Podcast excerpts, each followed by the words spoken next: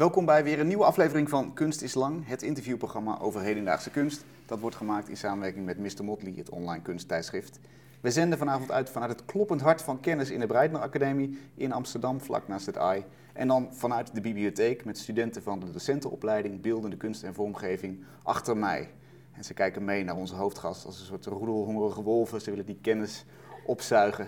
En ze hebben meegedacht ook over de voorbereiding van de uitzending en zitten nu dus op de eerste rang. Er zijn geen camera's aanwezig, dus je moet het vandaag alleen met je oren doen. Maar dat kan gelukkig wel via de website van Mr. Motley, via je podcast, via Spotify of Amsterdam FM. Mijn gast van vanavond is tekenaar Marcel van Ede. Hij werkte in rap tempo aan een uitdijend oeuvre van tekeningen, vaak in zwart-wit, gemaakt met een houtskoolstift.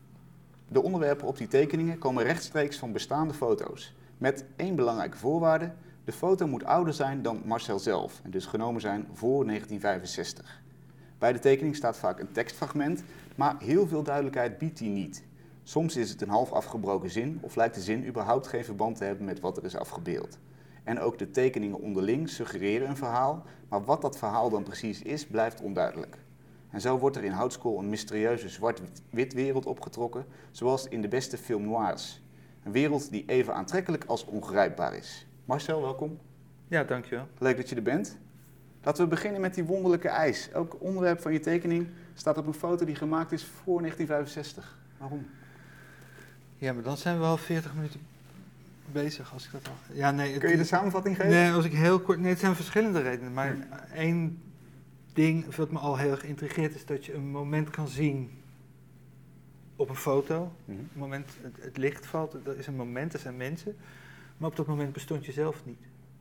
En dat, dat is natuurlijk eigenlijk raar. Dat kan helemaal niet. Ja. Dus je was eigenlijk min of meer dood of wat, wat dan ook. Nog niet bestaand. Niet bestaand. Of, ja, maar dat is dezelfde situatie als niet meer bestaand. Dus je bent eigenlijk, omdat je, al, je bestaat uit allemaal moleculen en dingetjes en, en eh, atomen. Mhm. En die atomen zijn niet op de wereld gekomen toen jij werd geboren, die waren er al. Ja. Dus die, die zweven in de lucht, die zitten in een bloemkool, die zitten in een, iets in het gras, weet, weet ik waar. Ja? Dus op het moment dat jij ontstaat, word je gemaakt uit bestaande... De wereld wordt niet zwaarder als jij geboren wordt. ja. Dus je wordt gemaakt uit bestaande atomen. Die Dus op die foto- 80 zitten die in Marcel van Ede toevallig. Wat zeg je? Die zitten dan een jaar of 80 toevallig in Marcel van Ede. Ja, maar niet allemaal natuurlijk, want er vallen er ook weer heel veel af. Als je roos hebt of dergelijke. Ja. En dan komen er ook weer bij natuurlijk door het eten, maar bijvoorbeeld je hersencellen, dat, een groot deel blijft er wel zitten. En dat, dat, dat vorm jij. Mhm. Dus je bent op die foto ook min of meer te zien, maar in een verdeelde toestand. In, in stukjes. En dat is wel intrigerend om te bedenken dat je zelf op die foto staat, eh, volkomen in, in, in stukjes. Maar eh, dat zijn de foto's waar je zelf op staat. Maar jij kiest de foto's van voor nee, je nee, ja, maar je staat er zelf op. Voor je geboorte. In stukjes. Ah, zo bedoel je. De atomen die jou Ja. misschien later vormen, staan al op die foto. Ja. Dat atoom wat jou dat zou op die foto kunnen staan. Dus ieder atoom dat je ook later weer vormt, wat, wat je later weer eet, kan voedsel zijn wat op die foto te zien is. Ja. Maar op die foto ben je in ieder geval nog niet jezelf. Daar ben je nog in volkomen verdeelde toestand. Dat is wat me altijd intrigeerde aan dat soort foto's. En Maar dat is één reden. Is ja, nog noem me meer- nog eens één. ja, doe maar nog eens Ja. één.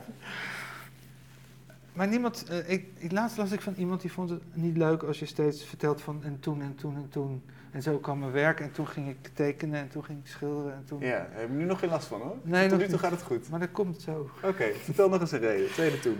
Nee, de tweede reden was, was eigenlijk waarom het begon, waarom ik dat ging doen. Ehm, als ik het heel kort vertel. Ehm, ja, dat, dat is heel moeilijk kort te vertellen, want het heeft te maken met. Ik wilde eigenlijk dichter worden. Eh, en toen in die tijd, heel lang geleden, toen jullie allemaal nog niet geboren waren.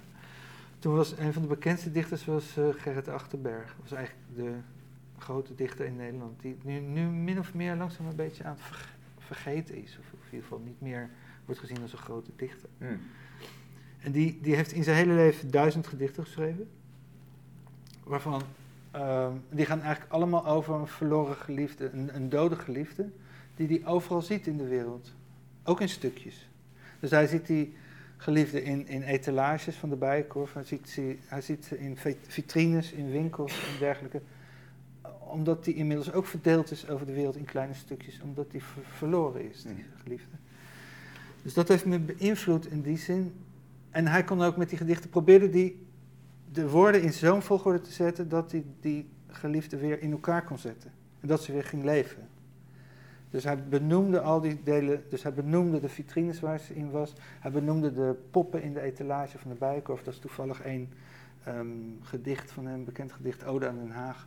Daar benoemt hij alles wat hij ziet in Den Haag. En in die zin van, omdat hij het allemaal benoemt, kan hij die zinnen zo construeren dat die geliefde die in die onderdelen zich bevindt, weer ontstaat. En dat is eigenlijk, eh, een- of een heel bijbels thema misschien ook zelfs. Het is, eh, met, met het woord kan God ook de wereld scheppen. Ja. Hij, dat- hij was heel gereformeerd opgevoed, dus voor hem was het woord ook een scheppend iets. Hm. Dus nou, ik dacht van, nou met woorden kun je scheppen, kun je dingen laten ontstaan. Maar goed, toen bleek ik niet zo'n goede dichter te zijn. Ik kreeg allemaal gedichten teruggestuurd van, van uitgeverijen en dat was een geen groot succes. Maar toen leerde ik Lucebert kennen, die de, de, dus dichter is en tekenaar. En die tekeningen van Lucebert zijn eigenlijk ehm, ja, kindertekeningen, dus Cobra. Ja. En dacht ik, nou ja goed, als ik dan niet kan dichten, dan kan ik dat misschien. Dus toen ben ik gaan tekenen. En toen dacht ik, met tekeningen ook de wereld te kunnen beïnvloeden. Of in ieder geval iets kunnen laten ontstaan of iets dergelijks. Zie je hoe lang het wordt? En lukt dat? Nee, dat lukt niet. Natuurlijk niet. Maar het, het gaat alleen maar om het idee dat je dat wilt. Ja. En toen, had ik, toen was ik 16 of 17. En toen had ik een vriendinnetje die het uitmaakte, zoals dat dan gaat. En ik wilde alle nee's in ja veranderen. En toen dacht ik, dat kan ik doen met tekeningen. Dus als ik met tekeningen de wereld kan veranderen, beïnvloeden, dan kan ik alle nee's kan ik in ja's veranderen. Wat is, wat is de eerste tekening waarmee je dat hebt geprobeerd? Toen, En, eh, toen het uit was? nou, dat, om nee's in ja te veranderen moet je dus de wereld omdraaien. Dat nam ik heel letterlijk. Dus ik ging alles op zijn kop tekenen. Maar toen later leerde ik Baselitz kennen, de, de schilder, Duitse schilder die dat ook deed. die alles op zijn kop schildert. Dus, En daar kon je niet tegenop. nee, eigenlijk niet. tegen Achterberg. die zat jou in de weg. Ja, dat is een soort zoektocht je doet. Je, je komt vaak, denk je, op je, als je jong bent als kunstenaar, dan denk je dat je iets gevonden hebt. Dan blijkt het al honderdduizend keer gedaan te zijn en nog veel beter. ja. En dat is volgens mijn geval ook. En was de volgende stap dan de tekeningen van voor geboorte? Nee, ja, nee, de volgende stap was dat, wel dat omdraaien van leven en dood. En Dus ik, wilde, ik had toen het idee, ik wilde eigenlijk grijze monochromen schilderen, heel streng. Mhm. Alleen maar grijze monochrome schilderijen. En daar eh, bedacht ik dan een, daar een datum op te schilderen van voordat ik geboren was. Dus er stond een datum op een grijs schilderij van voordat ik geboren was. Dacht, ik, dat ga ik mijn hele leven doen. Gewoon alleen maar een datum op een grijs schilderij. Dus 2 november 1952, gewoon voor mijn geboorte. Ja, met als idee. Met als idee dat het een omgekeerde wereld is, want het is een levend iemand die alleen maar zichzelf niet levend schildert. Dat is ook omkering. Ja. Maar goed, toen, dat zag er dus uit zo grijs met de ding. En toen kwam ik op een tentoonstelling in, eh, in Keulen, die heette Bilderstrijd. Dat was eh, in 1989 of zo. En daar hing, hing, kwam ik een hoek om, ik kwam een zaal in en daar hing al mijn werken. En dat was Onkawara, dat zag precies hetzelfde uit. Japanse kunstenaar. Ja, Japanse kunstenaar Onkawara die dan datums van vandaag eh, schildert. Ja, Dus dat bleek ook niet weer al gedaan. weer al gedaan. Maar nu, En toen dacht ik van nou goed, dan ga ik foto's naschilderen. Heel dom, gewoon foto's naschilderen. Eh prentbriefkaarten, foto's. Echt als een amateur op zijn zolderkamer. Trams. eh, Van voordat ik geboren was. Ja. Toen realiseerde ik me dat het heel intrigerend is, die foto's. Omdat je er zelf op aanwezig bent en niet op aanwezig bent. Zoals die vrouw van Achterberg aanwezig is overal in de stad. ja. Ben je zelf ook overal in de stad aanwezig voor je geboorte. En na je dood ook weer. je zou ook kunnen zeggen, die foto's zijn ook al gemaakt. Die zijn ook al gedaan. Ja. Waar, waar Ja, daarom nou gebruik ik nooit hele goede foto's. Ah, Tenminste, hele minimale foto's, gewoon van een straat of foto's van toevallige foto's. Maar nooit eigenlijk foto's van een goede fotograaf. Omdat die eigenlijk, dat zijn al kunstwerken. Dat zijn al, ja precies. Ik kan ja. bijna nooit Cas Oorthuis gebruiken of een, of, een, of een leuk idee of zo. Ik gebruik ook vaak nooit, eh, eigenlijk nooit foto's van bekende dingen. Nooit van Churchill en Hitler dus, en samen of zo. Of, En ook nooit foto's die al een grap in zich hebben. Dus bijvoorbeeld, een, je kent die foto's wel van een hele zaal met mensen met van die 3D-brillen op. Mhm. Die naar zo'n 3D-film zitten te Ja. kijken in de jaren 50. Ja, Maar dat is, dat is al klaar. dat heeft, heeft dat kun je dus niet tekenen. Ja. Die grap is al gemaakt. En wat, wat zoek je dan wel naar? Welke sfeer zoek je wel in het, in het selecteren van die tekeningen? Van die foto's die tekeningen worden? Ja, dat, dat weet ik nou zo goed. Dat is intuïtief. Maar het is wel zo dat je, als je oude tijdschriften leest, dan ehm, is niemand die op dat moment aan het lezen. Dan ben je helemaal alleen. Als je nu de krant leest van vandaag, dan weet je dat in half Nederland zit iedereen diezelfde krant te lezen met hetzelfde nieuws. En Ja. iedereen praat over hetzelfde onderwerp. En over een paar dagen is die krant weer oud. Maar als je nog oudere tijdschriften neemt van de jaren 50 of nog ouder. En je leest die op dit moment, dan weet je vrijwel zeker dat niet nog iemand, misschien één iemand of twee iemand ergens in een archief, datzelfde artikel aan het lezen is. Mm. Dus dan ben je tamelijk, je kan je tamelijk afzonderen met dat soort. En dat vind ik wel mooi daaraan, dat je daar helemaal alleen kunt zijn in, dat, in die omgeving. En je kan ook dingen ontdekken, helemaal voor jezelf. Ja. Is dat dan een soort rechtstreekse tunnel de tijd in, als het ware? Ja, eigenlijk. Terug? Ja. Mhm. En wat doe je vervolgens met die, met die afbeeldingen als je ze natekent? Is dat een, een toe-eigenen of is dat het, het, het herschrijven van een geschiedenis? Hoe zou je dat formuleren? Ja, het is, ik, soms vind ik het niet zoveel anders. Dat zei ik al bij het voorgesprek tegen Lineke. Mag ik dat zeggen? Van mij wel. van Mr. Motley, ja, Ja, natuurlijk. we bereiden dit goed van Mr. Dan, dan weten mensen dat ook. Precies. het wordt ook een beetje voorbereid. Ja, Ja. ga door. Ehm, dat, dat ik... eh, zie je, dan ben ik helemaal in de war.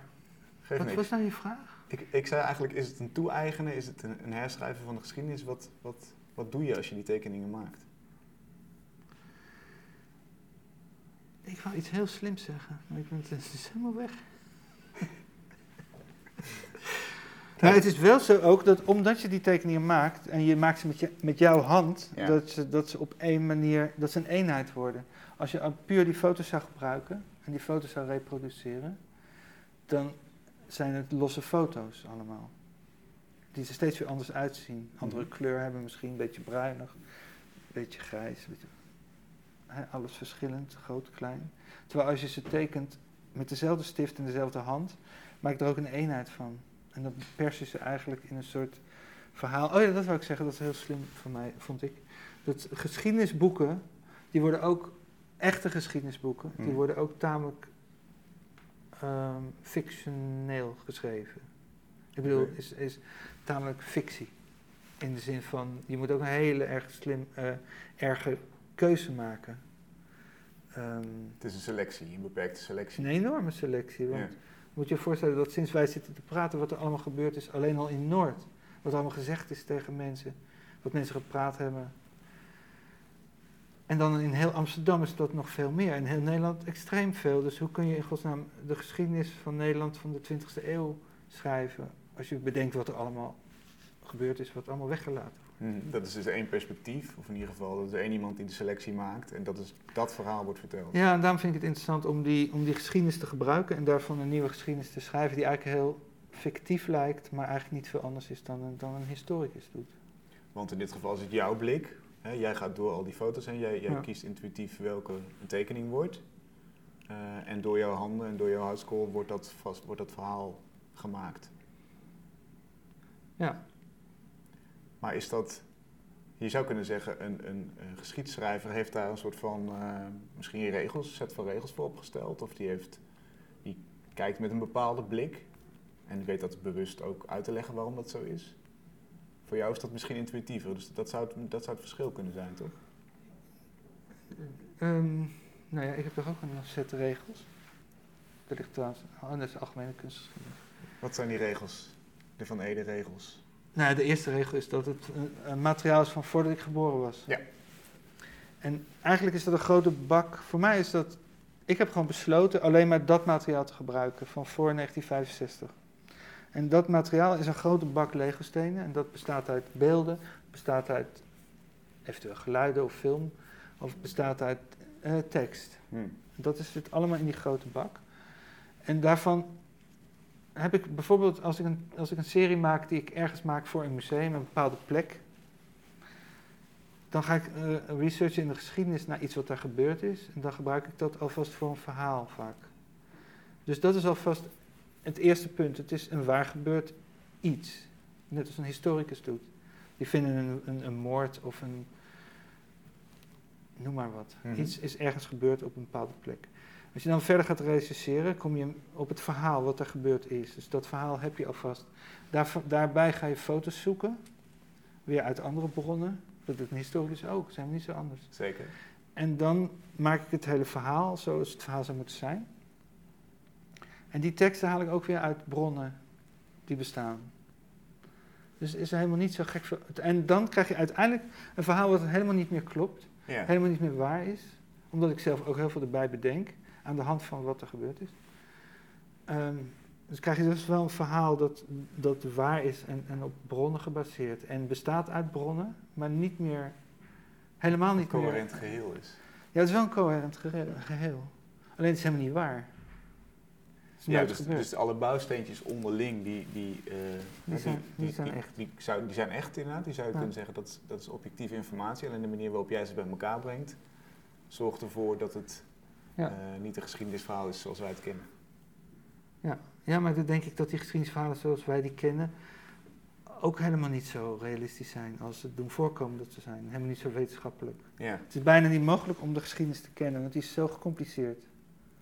Het is per definitie een selectie natuurlijk. Ja, het is een reconstructie ook, die, die heel subjectief is. En Ja. Men doet alsof het een wetenschap is, maar het is veel minder objectief als het lijkt. Ja.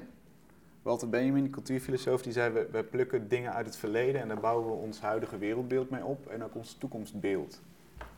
Als je die theorie volgt, hoe zou je dan zeggen dat de, de foto's die jij kiest jouw huidige wereldbeeld vormen in je toekomstbeeld? Nou, het heeft me niet zoveel te maken met mijn toekomstbeeld, denk ik. In die zin. Nou, ik vind het meer een vlucht. Ik vind het interessant om te vluchten in het verleden. En dat is eh, gewoon een soort negeren van, het- van het heden en zeker van de toekomst. Oké, Niet als mens, want ik ben ook gewoon een mens en ik heb een leven en zo. je doet ook wel Dus, eh, boodschappen ik natuurlijk. doe boodschappen en ik Ja. heb kinderen en ik ben ook geïnteresseerd in hun toekomst en eh, in de toekomst van de wereld. En, maar dat meer als mens. Maar als kunstenaar vind ik het interessant dat een kunstenaar zich juist niet daarmee bemoeit. En gewoon zich volledig terugtrekt in een soort fictieve werkelijkheid. Dus de- mijn werk heeft niks te maken met, met heden of toekomst. Nee. Met, hooguit met het negeren van het heden. Dus het, het, Ja. het, het weg, het weggeraken van het heden. Waarom, waarom is dat zo fijn of zo interessant? Om daar Weet als ik niet, kunstenaar ik vind dat zitten? interessant. Je zou ook kunnen Ik vind het denken, heel, heel ehm, rigoureus, heel, eh, eigenlijk heel, ehm, noem eens een mooi woord. vooruitstrevend. Nee, zeker Oh. niet vooruitstrevend. Wat een in- mooi woord. rigoureus, heel, heel, conse- heel consequent. Nee, gewoon heel hard is het eigenlijk. Om je daar, en en Ja. daarom vind ik, eh, ja. Maar, maar dan is nog de vraag, want je kunt ook, eh, je kunt ook eh, eh, naar de oudejaarsconferentie van Joep van het Hek kijken en denken, fuck, we hebben maar heel weinig tijd en we moeten leven en we moeten er vol, we moeten ons niet op het verleden richten, maar ja. we moeten in het nu leven. Wat, wat, wat, wat maakt dat jij zegt, eh luiken dicht en ik ga terug naar het verleden als kunstenaar? Nou, ik vind dat een soort kritiek op het heden. In de zin van, ik vind, ik vind, het, ik vind, het, ik vind het heel leuk om te leven hoor. Ik zou ook niet ermee ophouden of zo. Dus ik vind het heel Gelukkig. heel gezellig en zo. Maar ik vind het leven natuurlijk eigenlijk een soort rare grap die uitgehaald wordt met ons. Ik bedoel, je wordt dan in een, je wordt levend gemaakt, Mhm. zo. En dan moet je het weer teruggeven. Een soort cadeautje wat je krijgt en dan aan het eind zeggen ze weer teruggeven. Het is is het. Ja, het slaat natuurlijk nergens op en het leidt nergens toe. En het is volko- volkomen zinloos. Ja. En daar is het eigenlijk een beetje... Voor mij is dat de waarheid wel, zeg maar. En het is wel bezig zijn met die waarheid en dat mij- maakt mij wel... Dat vind ik het interessantste eraan. Dat is een soort waarheid vertegenwoordigt voor mij. Veel meer waar dan een toekomst, want het, het is totaal zinloos een toekomst. Maar zeg je dan, het verleden ligt al soort van vast, want dat is al, dat is al gebeurd, dus dat, daar heb ik een houvast aan? Nee, het verleden is gewoon een, eh, een kritiek op het heden. Het verleden is een kritiek. Teruggaan naar het verleden is een kritiek op het heden. Teruggaan naar. het- zelfs mensen als Anton Pieck, die ik. eh, in- die, die synoniem staat met slechte kunst natuurlijk. Tekenaar van de Efteling. Ja, van de Efteling, dat dingen. Ja. Maar die vluchtte ook voortdurend in het verleden als een soort hele burgerlijke man, maar als een soort kritiek op, op het heden.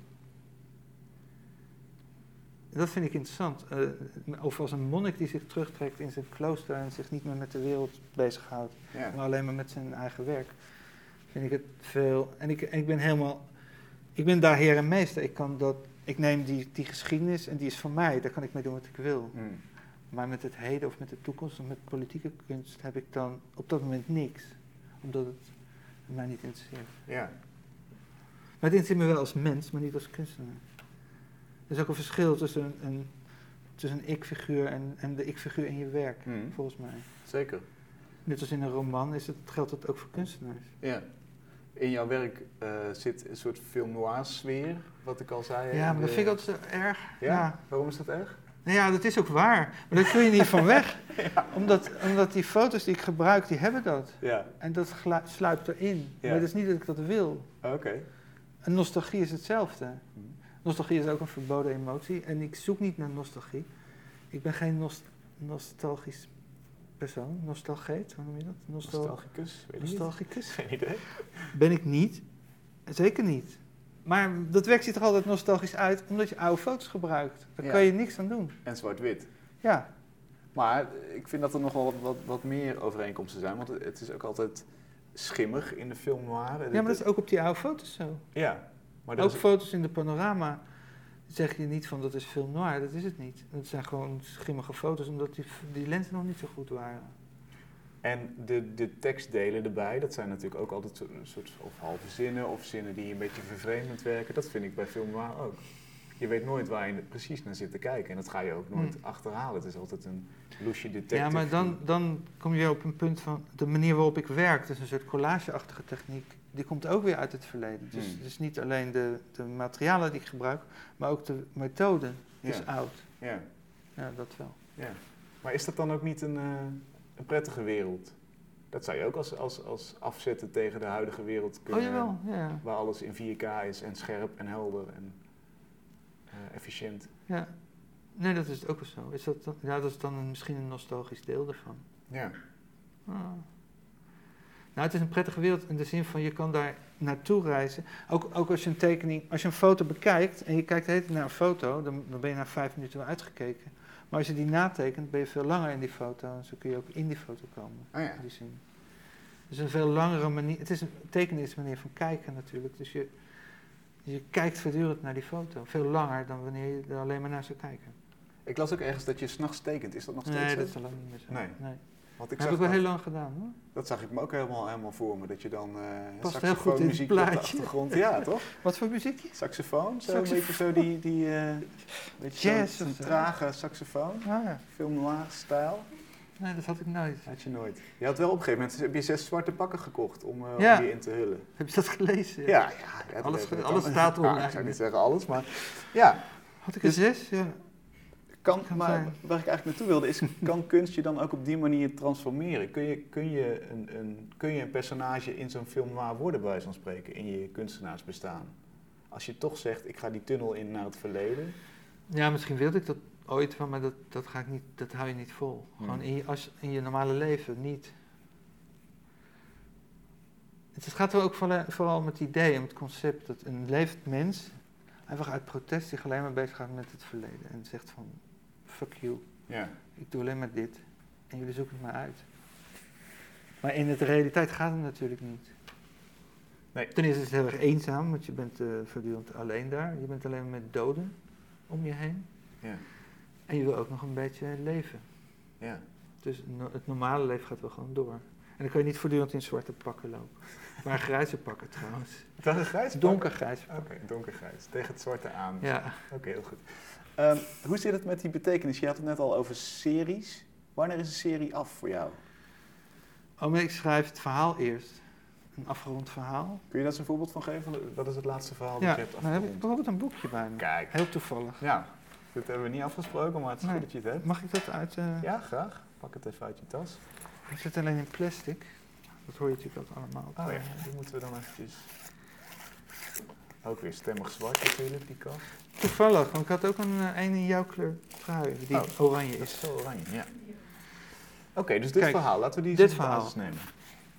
Siegmunds machine. Sigmund's Machine, bijvoorbeeld. Nou, ik, dit is dus een verhaal. Hè? Dus, eh, ik, ben, ik heb losse tekeningen gemaakt tot ongeveer 2006. En in 2006 ben ik begonnen die tekeningen met elkaar te verbinden. Door middel van, eerst door middel van eh, gewoon ze naast elkaar te hangen. En daarna door middel van teksten erop. En wat ik meestal doe, en daarom heeft dit, die series hebben wel vaak te maken met het heden ook weer. Ook al zijn ze natuurlijk een manier om met geschiedenis bezig te zijn, hebben ze wel met het heden te maken, omdat ze vaak worden gemaakt naar aanleiding van waar ik tentoonstel. Ja. Of waar ik een opdracht heb of iets dergelijks. Daardoor kom ik ook op dingen waar ik anders niet opgekomen zou zijn. In dit geval. In dit geval eh, was er een, eh, een eh, statische galerie in eh Fürth. Dat is een heel klein plaatsje naast Nuremberg. En ehm, die vroegen me voor een tentoonstelling. En toen zei ik, ja, dat wil ik wel doen, maar ik wil wel een boekje maken. En dan maak ik speciaal een serie voor die tentoonstelling. Dus dan ga ik rechercheren naar Fürth, die stad. Ik weet nooit precies hoe je het moet zeggen. Fürth, Fürth. Ik ook niet. Nee. en ehm, nou bleek dat Fürth staat bekend om zijn, eh, zijn radio-industrie. Ze hadden Grundig zat daar. Ah ja. Dus eh, er zit ook nog een eh, potloodfabriek, Faber-Castell zit ook in de buurt, maar vooral belangrijk was de radiofabriek. Dus nu had ik het idee, dus nu, dat is dus waar, dat is de radio. Ja. Dus dan begin ik met na te denken over wat kan dan gebeuren in die radio. En ik had een idee dat ik een verhaal wilde maken over de wil van Schopenhauer. En Schopenhauer is een filosoof die het standaardwerk heeft geschreven, de, die wet als Wille und Vorstellung. En daar, gaat de, daar is de wil, is de oerkracht achter alles, zeg maar. Niet alleen maar oerkracht achter groeien, maar de wil zit ook, die maakt ook dat dit kopje een kopje is Hmm. en niet kan veranderen in een tafel. Dus de wil zorgt dat alles op zijn plaats blijft, alles groeit, alles is zoals het is. Dus een enorm krachtige kracht die overal achter zit. Ja. En ik wilde in dit geval wilde ik in een laboratorium iemand laten uitvinden, een machine, die uit deze wil, die die wil kon bereiken, die daar energie uit kon maken. En daar gaat dit boekje over. Dus in dit boekje is in het, in het laboratorium van Grundig Mhm. is een, eh, een, eh, een technicus bezig om die machine uit te vinden. En daar komt het tweede deel van dat in Amsterdam speelt binnenkort. Dus deze machine is uitgevonden. Da- dat is een hele grote machine. De, de, de spullen worden erin gestopt en die worden natuurlijk vernietigd om de wilde uit te halen. Ja. En deze machine, in het volgende deel reist hij naar Amsterdam. Eh, zit hij in de kelder van de Rijnbar. Het speelt in de jaren 30. De Rijnbar zit daar bij de Amstelkade. Op de hoek. Mhm. Ken je de Rijnbar? Nee. En daar is in de kelder, zat, vroeger zaten daar onderduikers in de oorlog. Er zat ook een e- heel illegale ehm, cel zat daar. Maar nu komt daar, voor de, dus nog voor de oorlog, dus in de jaren 30, die machine komt uit Fürth naar, naar Amsterdam. Een verbeterde versie. En die gaat daar leidingen aanleggen door de Amstel naar de Hortus Botanicus. En daar wil die eigenlijk, daar, daarom zijn ze daar, omdat ze uit de cactussen, uit het groeien van cactussen, willen ze die wil halen. Ze denken dat, dat omdat cactussen zo sterk zijn en altijd doorgroeien, denken ze dat, dat De krachtigste wil. heel, heel wil uit die cactussen kunnen halen. Mhm. Maar niet echt wil zoals wij wil kennen, maar wil van Schopenhauer natuurlijk. Ja. Dat blijkt niet zo sterk te zijn en dan komen ze op het idee dat er veel meer wil nog in schilderijen zit in het Rijksmuseum. En vooral in Rembrandt. Dus heel veel wil dat een Rembrandt een Rembrandt is. Dus ze gaan dan Rembrandt stelen uit het Rijksmuseum. Die worden vernietigd in die machine en Ja. daar wordt wil uit gewonnen. Maar dit, is, dit klinkt Dus als dat een zijn allemaal... roman. Ja, dat zijn allemaal romans. Kijk, dit zijn allemaal verhalen. Ja. Het zijn een soort grafische graphic novels. ja. En tegelijkertijd, Maar dan ben ik toch weer een beetje schrijver, weet je, oh, door de achterdeur. Ja, ja, ja. tegelijkertijd leen je de teksten uit Google Books, geloof ik, hè? ja die teksten maak, neem ik uit Google Books. Of uit eh, een Engelse krantensite die ik heb. Dat komt dat ik, ik heb ook wel eens teksten zelf geschreven, maar dan moet ik ze altijd laten vertalen. Mijn Engels is niet goed genoeg. Oké. Je moet toch een native speaker zijn of iemand hebben die, die goed Engels spreekt om, daar, die- om die Engelse teksten zelf te kunnen schrijven. Ja. En het past conceptueel nog beter als ik bestaande teksten neem. Dus ik zoek elke keer uit Google Books een bepaalde zin. Van, eh, hij, hij startte de machine of zo, maar dan in het Engels. En dan zoek ik dat tussen aanhalingstekens in Google Books. Dan vind je overal in alle boeken, je kan ook instellen voor 1965 natuurlijk. Ja. En dan vind je die, alle zinsneden waar dat in voorkomt, vind je. En dan kun je de tweede zin ook nog gebruiken. En zo kun je, al, kun je een heel verhaal maken van bestaande zinnen. En Maar je moet het wel het verhaal van tevoren bedenken. Dus ik bedenk eerst het hele verhaal, wat er moet gebeuren. Dan zoek ik foto's erbij van radio's en dat soort dingen. En dan eh, eh, laat ik eh, vakjes wit. Ja. En dan ga ik later die tekst zoeken in Google. En dan schrijf ik die tekst erin. Het is eigenlijk heel simpel. en toch is dit. eh, eh, zou je zeggen dat dit nou per se jouw vorm is? is dit, want dit is wel iets wat je. Ja, de graphic novel kennen we, we kennen de roman, we kennen de strip. eh, losse tekeningen, maar ergens, het zit hier ergens tussenin. Wat bedoel je precies? Nou, ja, dat- omdat dit niet precies een graphic novel Ja, is. Nee, precies. is het ook niet. Je kan dit ook goed tentoonstellen. Ja, Het is alleen moeilijker te verkopen, omdat je een hele grote serie tekeningen moet verkopen. Omdat ze bij elkaar moeten blijven, want die teksten lopen natuurlijk door. ja. Niemand koopt een tekening met een deel van de tekst. Thematisch. Dat is hè? ook belangrijk, hè? je moet ook verkopen. Je moet ook verkopen, zeg je tegen de studenten die, die daar eh, grondig mee eens zijn. Ik zie Ja, dat zeg je ook tegen mijn eigen student. Zeg Ja. ik. ja, we moeten wel verkopen. Je zou ook kunnen zeggen, dit thema eh, is een soort maatschappijkritiek bijvoorbeeld op een soort fossiele energie verslindende wereld.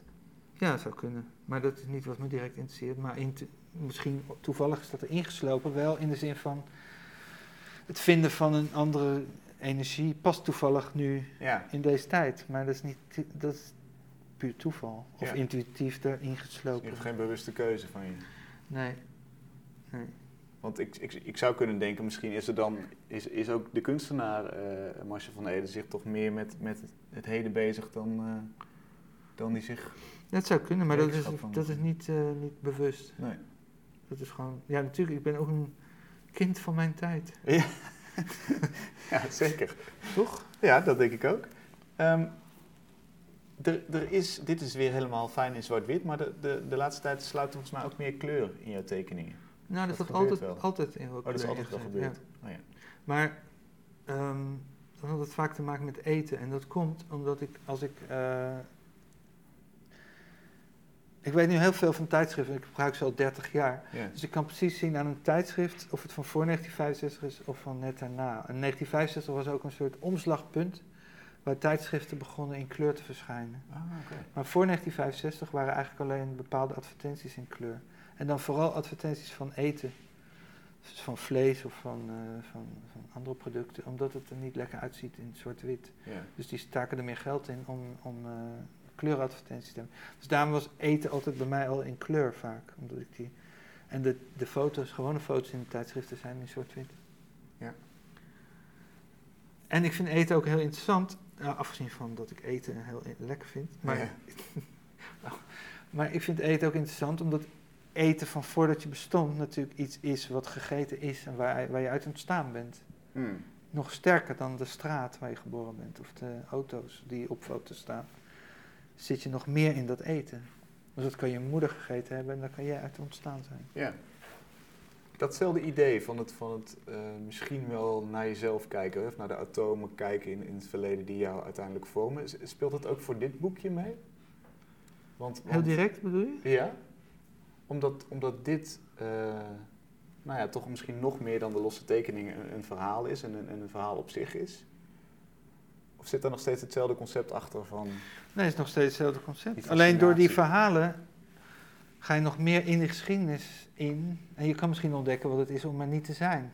Ja, Want het is ook een vorm van verdwijnen. Het is een vlucht, maar het is een vorm van verdwijnen. Je gaat ook terug in de tijd. En je, en je maakt een verhaal, dus je maakt iets levend. Wat eigenlijk niet levend is, namelijk het verleden. mm. En daar kun je wel door, om- doordat je dat zelf doet, kom je jezelf tegen als niet levend persoon, waardoor je misschien weet wat het is om niet te leven. Ja. Al een soort voorbereiding op later.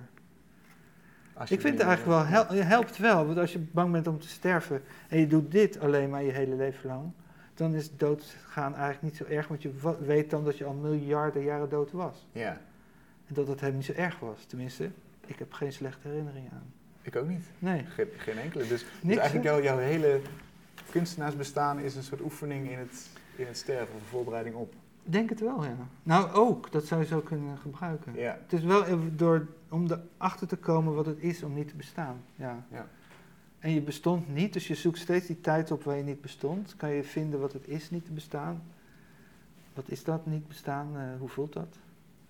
tegelijkertijd eh, was je er natuurlijk een beetje, hè? Als je, als je de, de atomentheorie volgt. Het idee van de... Ja, maar niet als persoon. Niet als persoon, nee. Nee, je was gewoon in, Is- alleen maar als materiaal was je wel aanwezig. Ja. Moet- Is het ook mogelijk dat je een keer naar de toekomst gaat kijken en dat je... Nee, dat kan niet. Nou ja, Hoe dan? eh, het atoom wat nu jouw, jouw neus vormt, laten we zeggen Ja. dat, dat clubje. Stel dat die eh, over 2000 jaar echt... Ja, maar ik heb geen foto's van, dat is het probleem. En Ja. geen tekst. Maar die kun je wel bedenken natuurlijk. Ja, maar dat is bedenken. Ik kan niks bedenken. Ik bedenk niks zelf. Het zijn allemaal bestaande materialen.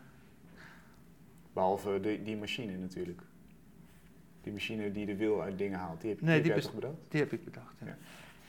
Dus je maar kan wel. wel in dat, in dat idioom. Van, de, foto's, de foto's die ik hier heb gebruikt zijn allemaal bestaande foto's. Ja. Er wordt alleen gezegd dat het een machine is. Ja, Maar die machine is eigenlijk een radio, die werd er uitgevonden, niet de machine. ja. Dus een kleine twist wordt aangegeven. Dus je zou eh trendwatches moeten raadplegen. Wat zou er over 100 jaar gebeuren? Ja, maar dan heb ik nog geen foto's, want ik moet beeldma- concreet beeldmateriaal hebben. Ja, Als we later met een of andere Discovery Shuttle foto's van de toekomst konden maken, dat Dan- kan helemaal niet. dan ben je er Tenminste, eerste volgens bij. mij kan het niet. Ja. Nee, dat lijkt me. Foto's van het verleden zou wel kunnen, maar van de toekomst is moeilijker. Nee, oké, duidelijk. Waar werk je nu aan? Ben je Ja, nu werk ik aan verschillende dingen tegelijk. Eh, ik werk nu aan twee tentoonstellingen in Den Haag. Die openen dit weekend. Daar heb je een selectie gemaakt, geloof ik, uit de collectie, hè? Eén is in het gemeentemuseum, dat is eh, een selectie uit de collectie. Eh, maar dat is alleen maar op tekeningen. Ik, ik heb alleen maar gekozen voor tekeningen. Er zijn meer kunstenaars die hebben gewoon een persoonlijke keuze gemaakt. eh, of andere kunstenaars hebben... Eén kunstenaar, Philip Akkerman, heeft een jaar gekozen. En die heeft allemaal werken uit één jaar samengevoegd. Wat een tamelijk... Je verwacht dat het een heel samenhangende tentoonstelling is. En dat hoeft helemaal niet. Nee. 1913 heeft hij als jaar. Dus van alles uit 1913. Hele realistische kunst, maar ook hele abstracte. Waar dus uitspreekt jouw idee van eh, eh, geschiedschrijving is, is redelijk arbitrair als je dat Ja, ook ja. met een bepaalde blik doet. Ja, en, en het leven is heel complex. Ja. Je kan het bijna niet meer reconstrueren als, als het al voorbij is. Ja. Maar je zei, ik, ik heb tekeningen gekozen. Nou, ik heb hem geconcentreerd toch op tekenen, op tekenen als, als, als techniek. Ja. Dus ik heb tekeningen gekozen, oudere tekeningen, nieuwere tekeningen. Maar tekeningen wel die mij aansluiten bij wat mij interesseert. Dus ik heb wel Anton Pieker bij. Ja. Die is voor het eerst volgens mij tentoongesteld eh, daar in het gemeentemuseum. Ah, ja. Maar het zit wel in de collectie dus. Ja, heel weinig. Ah. Een paar. eh, ja. En ehm, ik heb bijvoorbeeld Alexander Bakker-Korf. Dat is een, een kunstenaar uit de 19e eeuw. Die alleen maar. die zich heel erg beperkt heeft. Eigenlijk hetzelfde. Ook, ik vind vrij conceptueel heeft gewerkt in de 19e eeuw. Hij wist natuurlijk het woord helemaal niet. Maar hij deed niet meer naar buiten gaan, maar alleen maar binnen blijven en zijn zusters tekenen. En zijn zusters verkleden zich voor hem eh, met, op een 18e eeuwse manier.